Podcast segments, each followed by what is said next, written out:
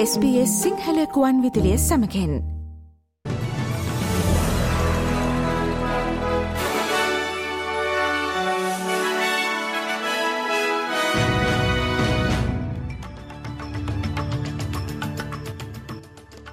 ප්‍රථමයෙන් සිරස් තල. රාජතාන්ත්‍රික සබඳතා තර කිරීමේ බීජින් සාකච්ඡාවලින් පසු විදේශමාත්‍ය පෙනී වොං යළි ඔස්ට්‍රලියාවට. මියගිය සගයන්ගේ මරණයට හේතුව සොයනතුරු නොකඩවා විමර්ශන. ක්වීන්ස්ලන්ත පොලිසිය දිවරයි. ශ්‍රී ලංකාවේ වරාය නගරයට නව වීසා වර්ග තුනක්. යුක්‍රේන ජනපති රුසියානු ආක්‍රමණයෙන් පසු ප්‍රථම විදෙස් සංචාරයක. ජැක්නා කිංස් කණ්ඩායම තෙවන වරටත් LPL අවසන් මහා තරගයට.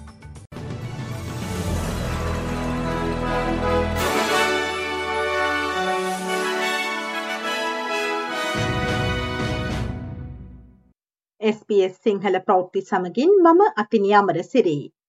විදේශාමාත්‍ය පෙනී වොං ඊයේ දිනේ බීජිං හිදී චීන විදේශාමාත්‍යවරයා සමඟ පැවති සාකච්ඡාවකින් පසුව නැවතත් ඔස්ට්‍රේලියාවට පැමිණ තිබේ.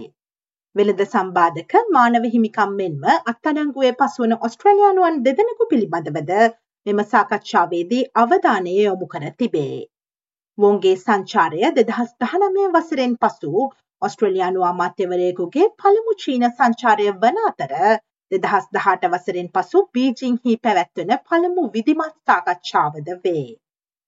චීනය සහ ඔස්ට්‍රලියාව යන රාජ්‍ය දෙකම මෙතෙක් මිත්‍රශීලී නොවූ රාජතාන්ත්‍රික සම්බධතාවය වෙනස් කිරීමට උත්සාහ කරමින් සිටින බැවින් මෙම සාකච්ඡා මගින් දෙරට අතර සබඳතා අකණ්ඩව වැඩිදියුණු කළ හැකි බව පෙනී යන්නේ ඇයි සැනට් සභික පෙනී වොන් පවසා සිටී.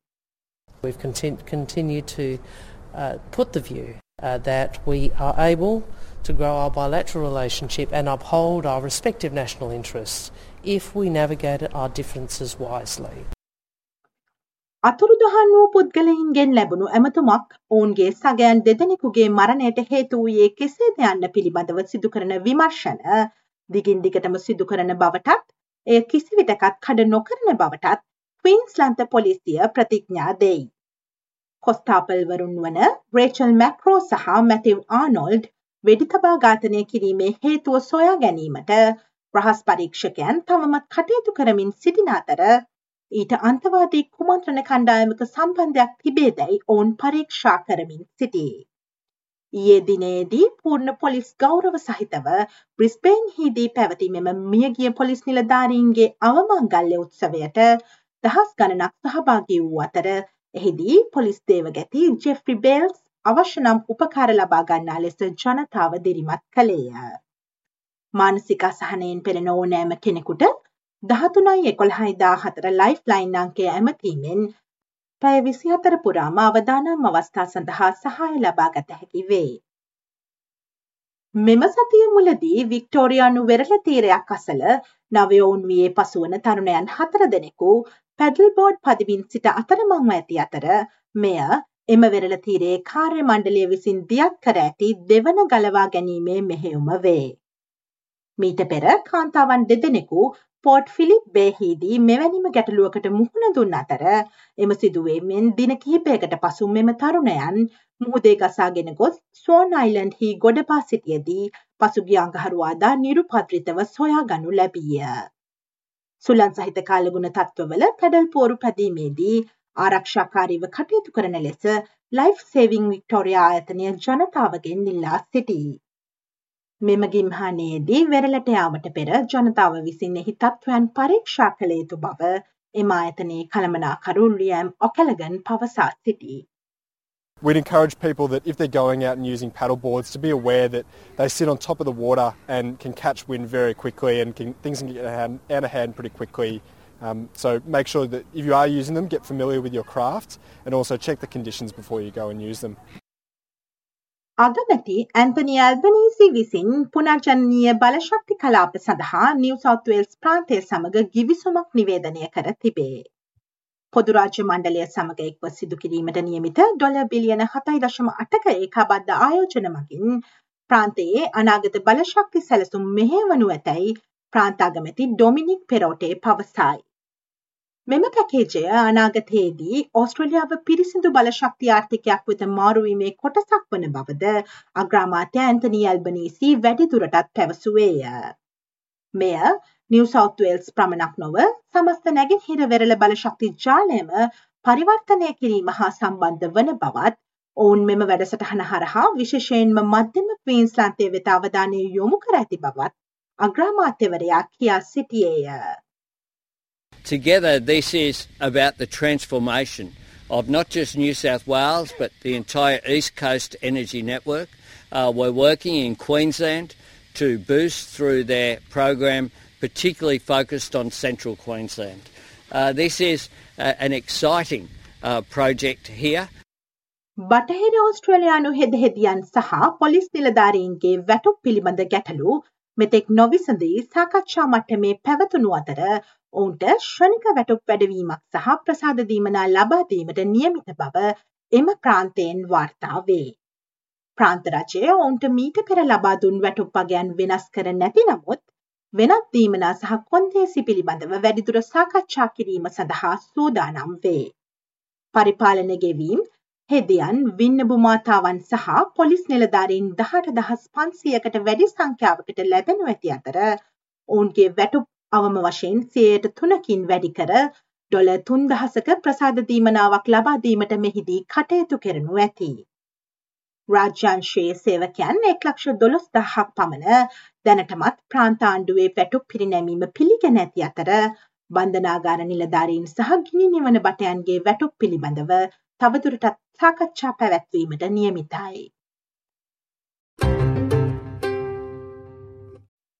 දැන් ශ්‍රී ලංකාවෙන් වාර්තාාවන පුවතක්.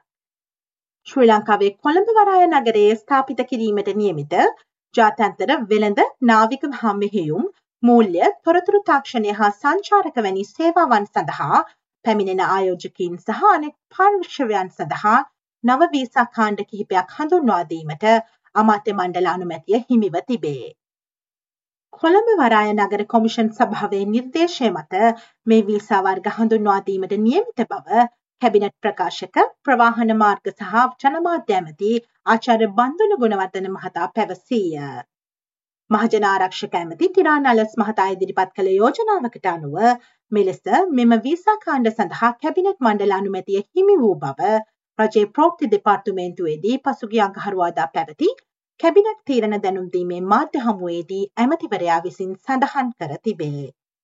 ඒ අනුව ආයෝජකයන් සඳහා ආයෝජක වීසා කාණ්ඩය සේවා නියුක්තිකයන් වෙනුවෙන් සේවා නියුක්ත වීසා කාණ්ඩය සහ කොළඹ වරාය නගරය තුළ බදු පදනම මත වාසය කරනු ලබන විදේශකයන් සඳහා CPC නේවාස්තික දේපල බදු ගැනුම්කරු වීසා කාණ්ඩ යන වීසා කාණ්ඩ තුන හඳුන්වා දීමට නියමිත බවද ඇමතිවරයා මෙහිදී වැඩිදුරටත් කියා සිටියේය. යුක්්‍රේන ජනාධිපති වොලඩිමිය රිසලන්ස්කී රුසියානු ආක්‍රමණය ආරම්භවීමෙන් පසු සිය ප්‍රථම විදෙස් සංචාරය ලෙස එක්සත් ජනපදය බලා යන බව තහවුරු කර තිබේ. ජනාධිපති සෙලෙන්ස්කී දවල මන්දිරයට ගොස් කොංග්‍රසය ඇමතීමට නියමිතයි. යුක්්‍රේණියෝනුවන් විසින් මෙම පුවතට ධනාත්මක ප්‍රතිචාර දක්වා තිබේ.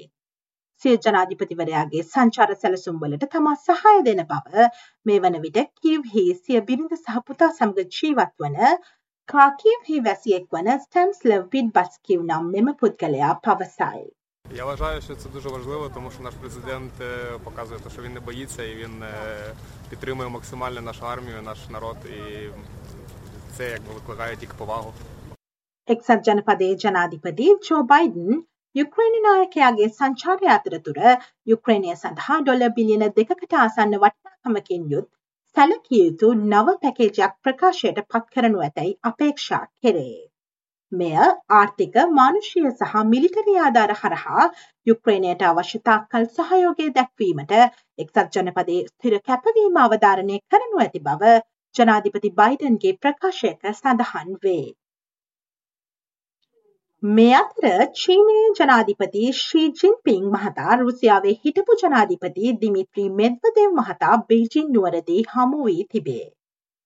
චීන ජනාධිපති විසින් රුසියානු ආරක්ෂක මණ්ඩලයේ හිටපු නායකයා සහ වත්මන් නියෝජ්‍ය සභාපතිවරයාද වන දිමිත්‍රී මෙද්වදෙව් සිය නිල නිවසේදී හමු වී තිබේ.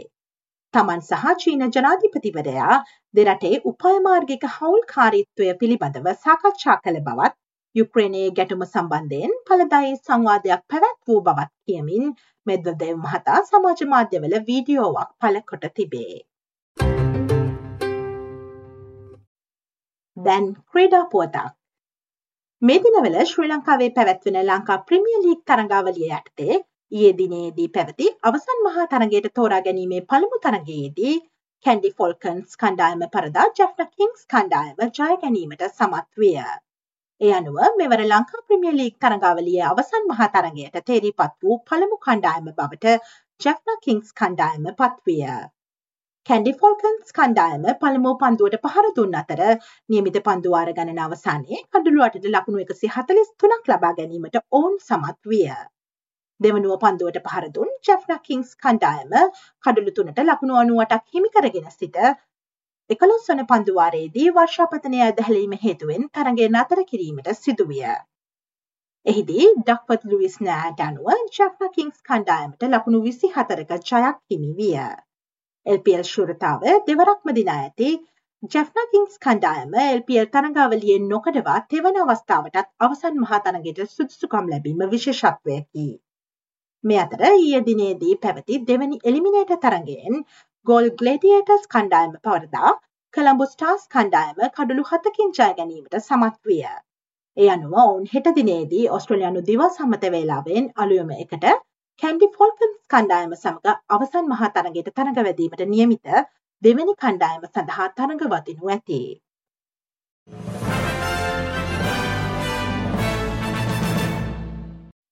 දැන් අද දවසේ ප්‍රධාන විනිමය අනුපාතයන් වෙත අවධානය යොමු කරමු.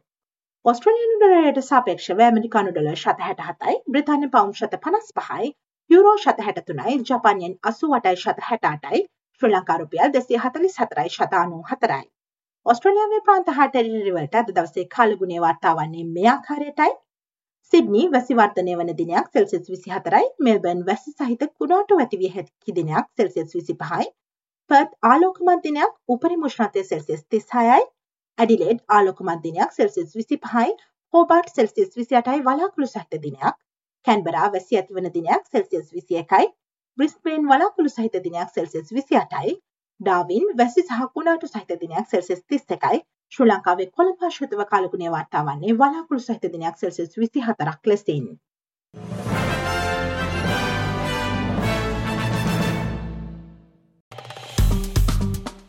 ලයි කරන්න ෂයා කරන්න අදහස් ප්‍රකාශ කරන්න SBS සිංහල ෆස්බුක් පිටුව ෆලෝ කරන්න.